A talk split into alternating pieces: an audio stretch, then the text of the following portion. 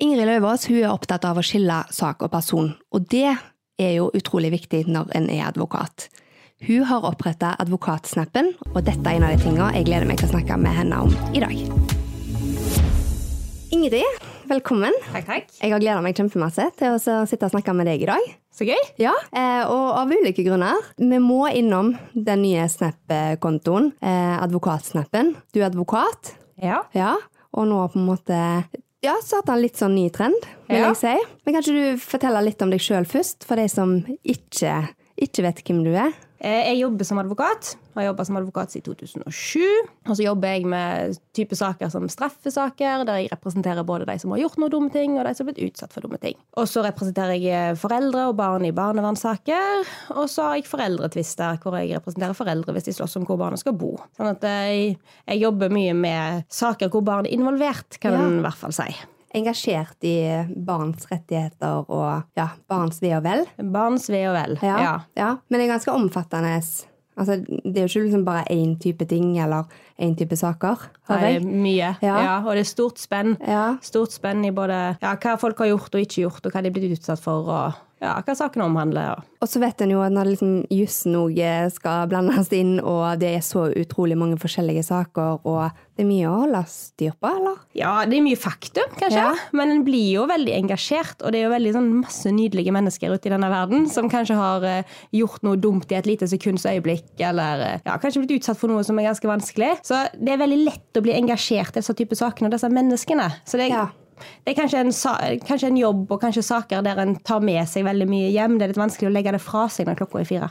Ja, for jeg skulle til å spørre om det. Arbeidstider, det med på en måte Er du alltid på? En er alltid på. Ja. En har jo arbeidstider som en er på kontoret, men etter mobiltelefonen kom, så er en jo alltid på. Så det må en være. Men er det sånn at da kan en få en telefon sent en kveld, eller altså Ja, Da Ja. kan en få telefon nattestid og seint en kveld og tidlig i morgen. Ja. For du sier noe om at en engasjement òg. Jeg tenker jo at det, det gjør det sikkert vanskelig å liksom koble av.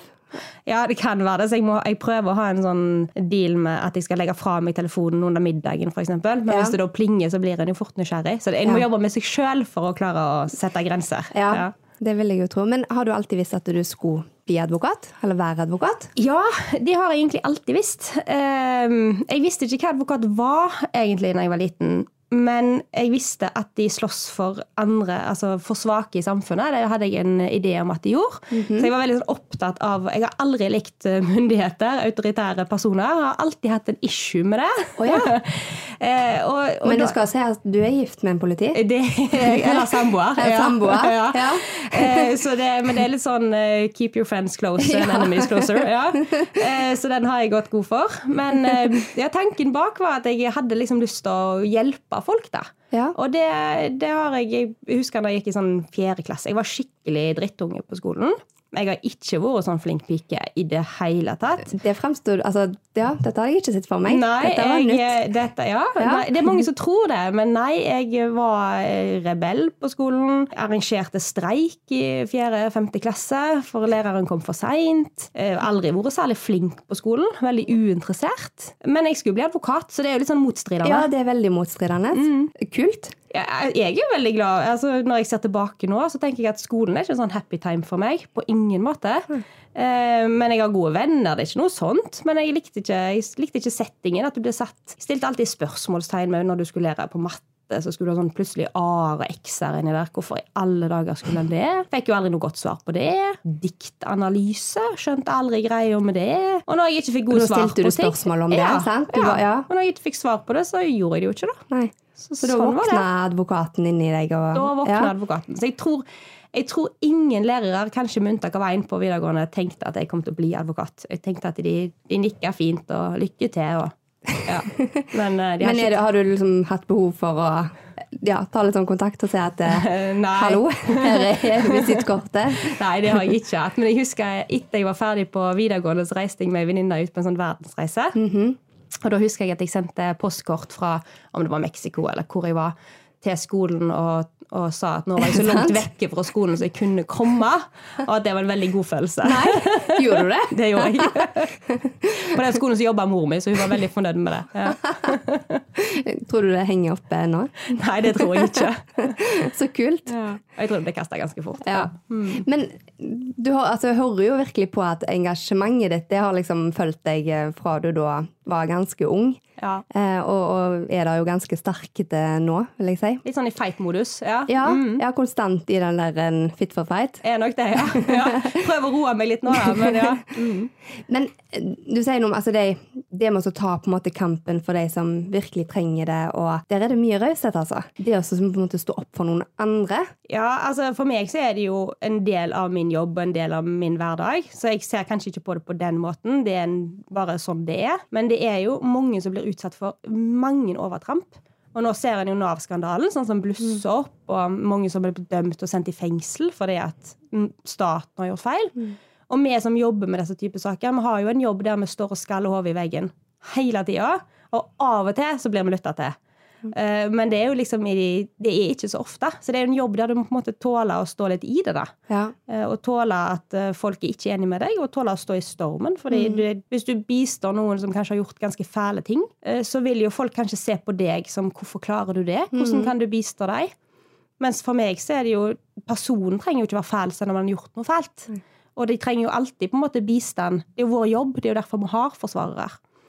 Så jeg, jeg tenker nok at i en type jobb som dette, så er det en del av jobb og en del av væremåte. Og jeg tror du skjønner fort om du trives med det eller ikke. Mm. Ja, for når det, når det tar på en måte så mye av deg inn i jobben, så, så må en jo like det. En må jo trives med det. Ja, Men en får jo så mye tilbake. Ja. Det er jo det som er gøy, når, en på en måte, når de, de sakene hvor en liksom får tilbakemeldinger, og en ser det går bra, da er det, kan en leve lenge på. Det er verdt det, da. Det er verdt det. Jeg fikk eh, Jeg bistod en ung gutt en gang som eh, hadde gjort Som hadde havna litt på skrå. da. Eh, og så hadde han klart å karre seg opp igjen og, og ja, blitt rusfri. Og, og så var vi, husker jeg, i lagmannsretten, og vi fikk en veldig godt resultat for han. Og da fikk jeg blomster etterpå med et kort, og det har jeg enda, hvor det står 'du dritgod i jobben din'. Nei. Og det liksom, Få sånne ting. Ja. Det er bare å henge opp på veggen, og så ligger det der. Sånn dårlige dager, så ser en på det. Ja. Ja, Og så herlig. ja helt nydelig. Ja. Ja. Det der med når en er forsvarer, og sånn som du sier at hvis noen har, har gjort noe som er veldig dumt, så er det lett å liksom dra advokaten med i der. At hvordan kan en, hvordan kan en på en måte være dens advokat, eller um, Og vi har jo hatt noen mediesaker der, der det har blitt liksom sitt på det, at hvordan kan den og den gå inn i den saken, og, og så synes jeg så godt å høre det du sier, om at, eh, at en kan skille på en måte saken og personen. Ja, det må en gjøre. Ellers så blir det jo på en måte vanskelig. Altså, jeg tenker Alle har jo gjort dumme ting i livet sitt. Og så er det jo bare et spørsmål om hva situasjonen til den enkelte er. Og vi må jo huske på at veldig mange har en helt annen ryggsekk. Sant? Altså, de har med seg barndommen som er helt utenkelige. Det er helt, når vi sitter og hører på disse altså, Når jeg stiller spørsmål til dem, så er det jo deres normalitet, den barndommen de har hatt. Jeg skjønner veldig godt hvorfor at kanskje de har litt annen impulskontroll, eller håndterer situasjoner på en annen måte enn de som har hatt en god barndom. da. Er det vanskelig å få fram når en da er i rettssaker, når du liksom står der og kjemper saken? Eh, Det som kan være vanskelig, er jo for uh, disse som har opplevd det, å forstå sjøl hvor alvorlig det er det de har opplevd. Så, og mange vil kanskje ikke snakke om det. Uh, I forhold til eller oppveksten, eller hva har Oppvekst med og barndom, ja. Ja. Mm, at det er vanskelig for dem å snakke om det. De har ikke lyst til å gå inn i det, kanskje. Eh, Men jeg opplever at stort sett så er retten lydhør. Og stort sett så ønsker jo retten å, å på en måte få med seg bakgrunnen. Mm. Men det skjer jo ofte at dommeren skriver eksempel at på, på tross av det så har en ikke lov til å håndtere ting på den og den måten. Og selvfølgelig en kan jo ikke det. Men når det gjelder selve straffen, hva straff de skal få, å putte de i fengsel, tenker jeg ofte er en veldig dårlig idé, da. Men det fins jo nå, da, heldigvis, masse alternative løsninger til det. Når du snakker om eh, at jobben på en måte blir med deg stort sett hele døgnet, da har jeg nå det er nattestid og altså Er det sånn da at en plutselig får en telefon, og så er det kanskje en, en, som, en klient eller noen en kjenner, og så ja, hvordan virker det? Altså, så blir du kobla på? Altså, er det sånn med en gang, og da må en liksom være, være på? Hvordan virker det? Ja, det det er jo veldig forskjellig. Ja. Det som kan være for eksempel, er jo for eksempel foreldretvister. Så kan det være at en mor eller far ikke har levert fra seg barnet sånn som de skulle, og så blir det et spørsmål om det. Politiet kan ringe fra arresten. Noen er blitt hanka inn og sitter på glattcelle. Og da må en jo ofte agere med en gang. En må jo ned og, og sjekke hva dette er for noe. Og så har du jo i barnevernssakene hvor det har blitt fatta sånn som vi kaller akuttvedtak, at de har blitt henta unger umiddelbart. Og da, I sånne typer saker så må en på en måte trø inn med en gang, for det er jo folk i krise og forstår ikke hva som har skjedd, lurer på hva rettigheter de har, og da må en på en måte inn og få oversikt og kontroll. Så da må en trø til med en gang. Da slipper du det du har i hendene og Stort sett. Ja. Og så er jo jeg heldig, jeg jobber på et ganske stort advokatfirma. Sånn at hvis jeg skulle vært på fjellet, eller, så har vi liksom alltid noen som kan trø er, det. Ja. Mm. Vi ser jo, nå har det jo blitt litt sånn populært med de advokatseriene og sånt. Er det sånn som vi ser på film og i serier og Nei. Altså, jeg, eh, jeg Eller har du sett? Ja, ikke, jeg- ser du liksom ja. Jeg, jeg så Suits, Ja. en del av det. Ja, jeg tenker Det var kanskje den jeg tenkte mest Ja.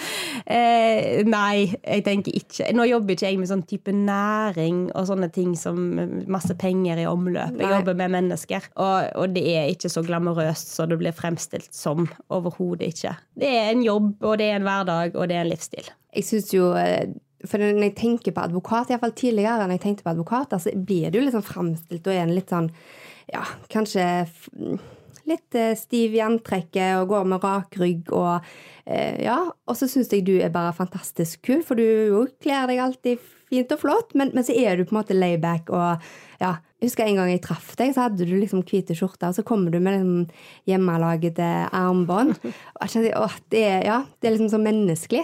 Det kjenner jeg at jeg syns det er godt å se. Ja, det, men det har, jeg har fått kollegaer som har vært veldig Det var en kollega, en god kollega som heter Erik Lea. Han kom til meg i retten en gang og sa at Ingrid, du kan ikke gå kledd sånn. Men for meg så har det vært et eget poeng. Hva hadde Eh, du på deg da, Ingrid? Uff, det husker jeg ikke. Men jeg, jeg har en lei tendens til å glemme å ha med meg finsko i retten. Så da blir det kanskje joggesko eller vintersko eller støvler. Støvler. Og heldigvis så ser jo ikke dommeren det, for de er gjemt under bordet. Men jeg, tror, jeg kan se for meg at det var type gule støvler jeg hadde på meg den dagen. Men det er et poeng for meg å bryte ned den barrieren.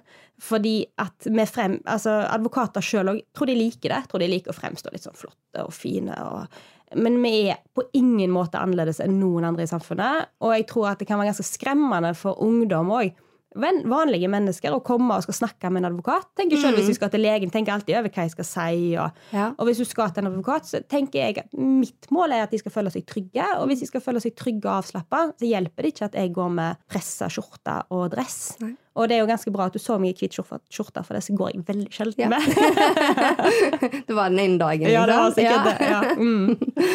Nei, men ja, men kult. Der òg er du, skal du liksom bryte litt uh, ut av uh, mønsteret. Eh, Det er vel den der evige, evige kampen inni meg sjøl der jeg på en måte, ja, skal bryte ned disse Ja. barrierene. da. Ja. Men du er inne på ungdommer, eh, og det er jo en av de grunnene til at jeg hadde så utrolig lyst å, å snakke med deg. Engasjementet for, eh, for barn og ungdom. Eh, og så har du jo virkelig funnet ut hvordan du skal treffe ungdommene når du liksom oppretter Snapchat-konto.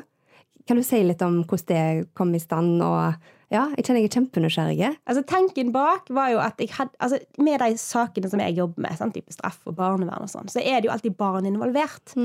Og så har jeg hatt en tanke om at barn vet veldig lite om hva skjer i en foreldretvist, f.eks. Hvis jeg snakker med den personen, får mamma og pappa vite det. Hvordan er dommeren? Er det veldig strengt? I barnevernssaker, hva skjer hvis jeg sier sånn? Og så har jeg liksom hatt en idé om at hvis barn er trygge på hva som skjer, og er trygge på sine egne rettigheter, så kanskje de på en måte snakker litt høyere.